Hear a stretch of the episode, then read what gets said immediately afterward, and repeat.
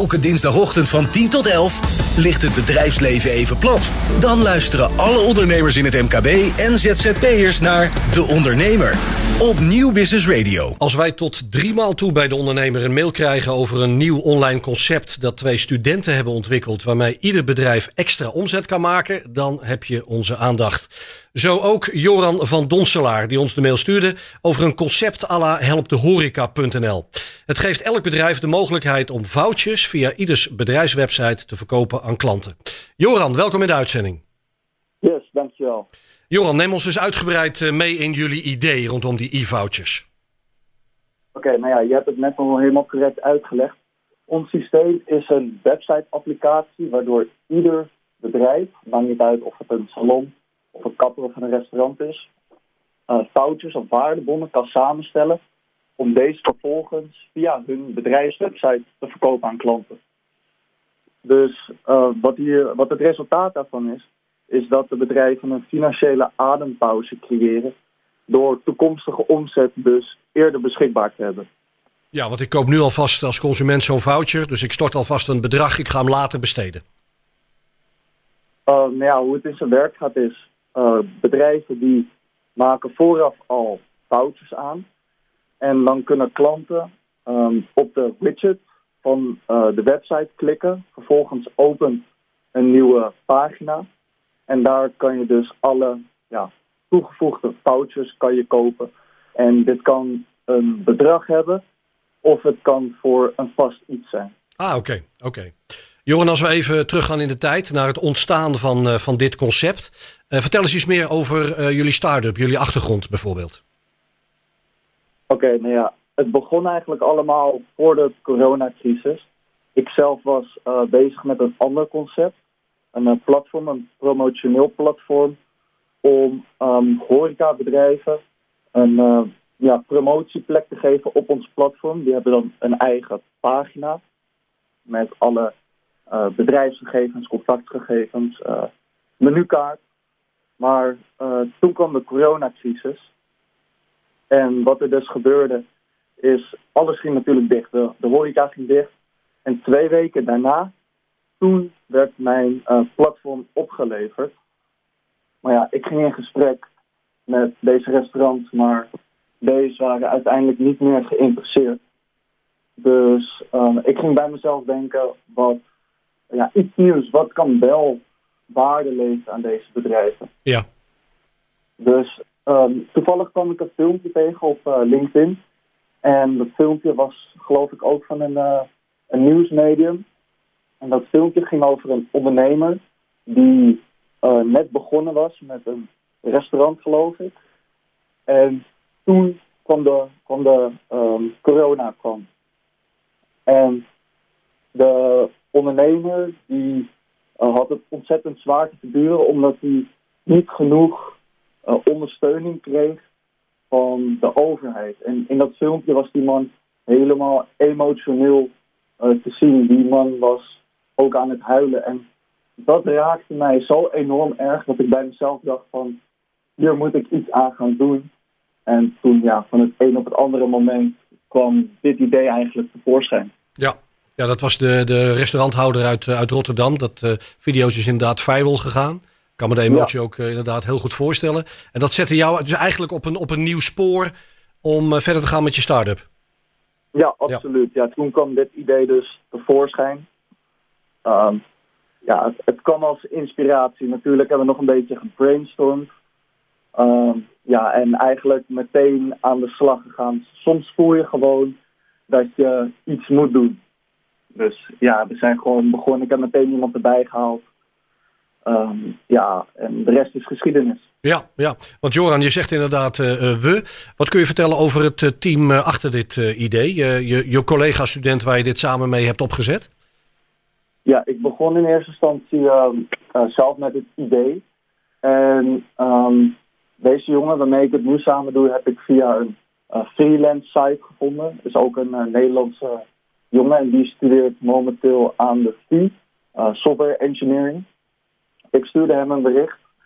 Um, diezelfde dag nog dat ik het uh, idee uh, ja, in de vorm van inspiratie ontving. Um, ja, het klikte meteen. we zijn gewoon meteen aan de slag gegaan.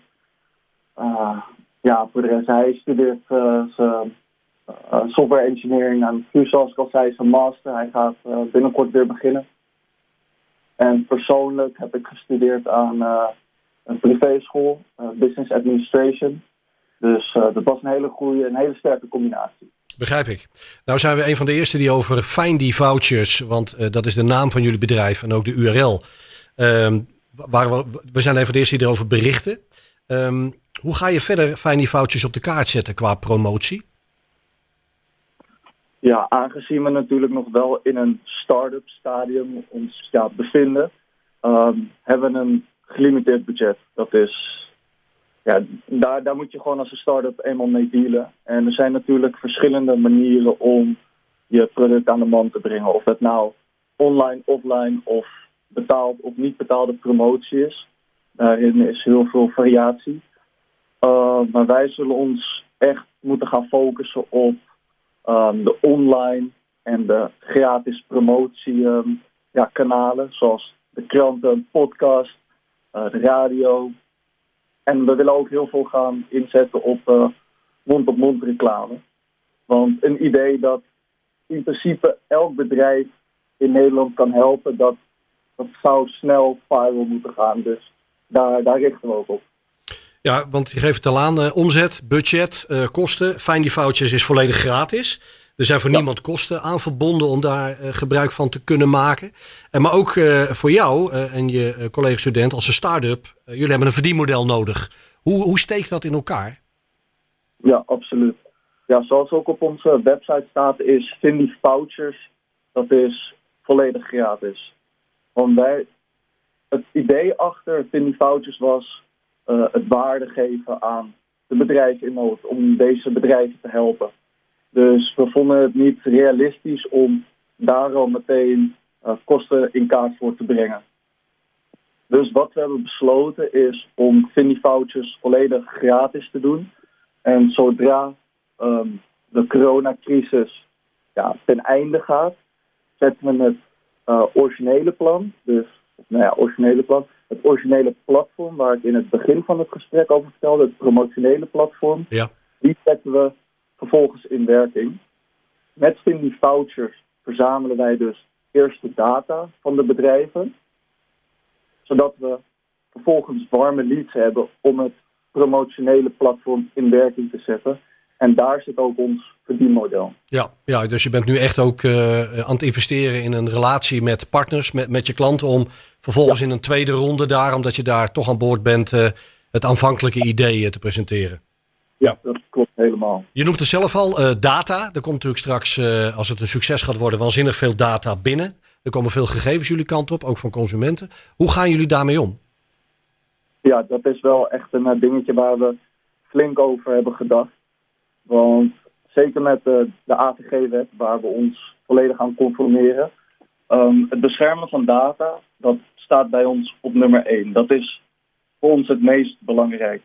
Dus wij werken sowieso alleen met uh, vertrouwelijke partners samen. Wij werken bijvoorbeeld met uh, Microsoft Azure voor de database, voor de uh, gegevens die wij opslaan, zowel van de bedrijven als van de mensen die een fout verkopen, dus de klanten. Daarnaast vragen we alleen de minimale informatie op die nodig is om het systeem werkend te hebben. En voor Azure, voor Microsoft Azure, dat is zo beveiligd. Dat, daar zit een firewall op. Daar, daar komt in principe niemand in, tenzij je expliciet toegang hebt gekregen van ons. Uh, wat ik begreep ook al, uh, los van uh, Microsoft Azure, jullie werken ook samen met Stripe.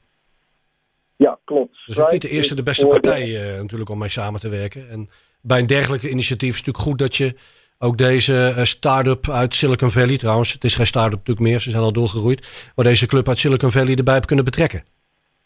Ja, absoluut, absoluut. Ja, Stripe is, uh, gebruiken wij voor, een, uh, voor het betalen, voor de betaaltransacties. Ja. Wanneer een klant een voucher selecteert, dan gaat de klant vervolgens naar een checkout page. En zodra de betaling echt is afgerond, dat is ook het moment dat we de data van de klant verzamelen uh, en niet daarvoor. En als we kijken naar de betaling zelf, um, Stripe is zo goed beveiligd dat uh, Stripe werkt met een identiteitsverificatie uh, bij de bedrijven om de betaling uiteindelijk te mogen ontvangen. Dat vonden wij persoonlijk een beetje ver gaan in identiteitsverificatie. Maar zij staan garant dat alle transacties goed verlopen. Dus vandaar dat ook een uh, identiteitsverificatie uh, dat dat verplicht was. Tot slot, Joran, wanneer is voor jullie Find die Vouchers een, een succes? Oh, dat, dat is een goede vraag. Um, persoonlijk voor mij is het wanneer we één bedrijf van faillissement hebben kunnen behoeden. Kijk. Dat, dat zou echt, ja, dat zou wel een mooie mijlpaal zijn. Dus het gaat je niet zozeer dus om die kwantiteit, maar meer om de kwaliteit. Dat is, ja. uh, dat is, dat is een duidelijk antwoord. Dankjewel Joran van Donselaar. En voor wie zich wil aansluiten of meer informatie wil, uh, surf naar Findy op zijn Engels vouchers.nl of check de website van De Ondernemer. De Ondernemer, de talkshow voor en door ondernemers. Laat je elke dinsdagochtend van 10 tot 11 inspireren en informeren door topondernemers en andere experts. Ook terug te luisteren als podcast.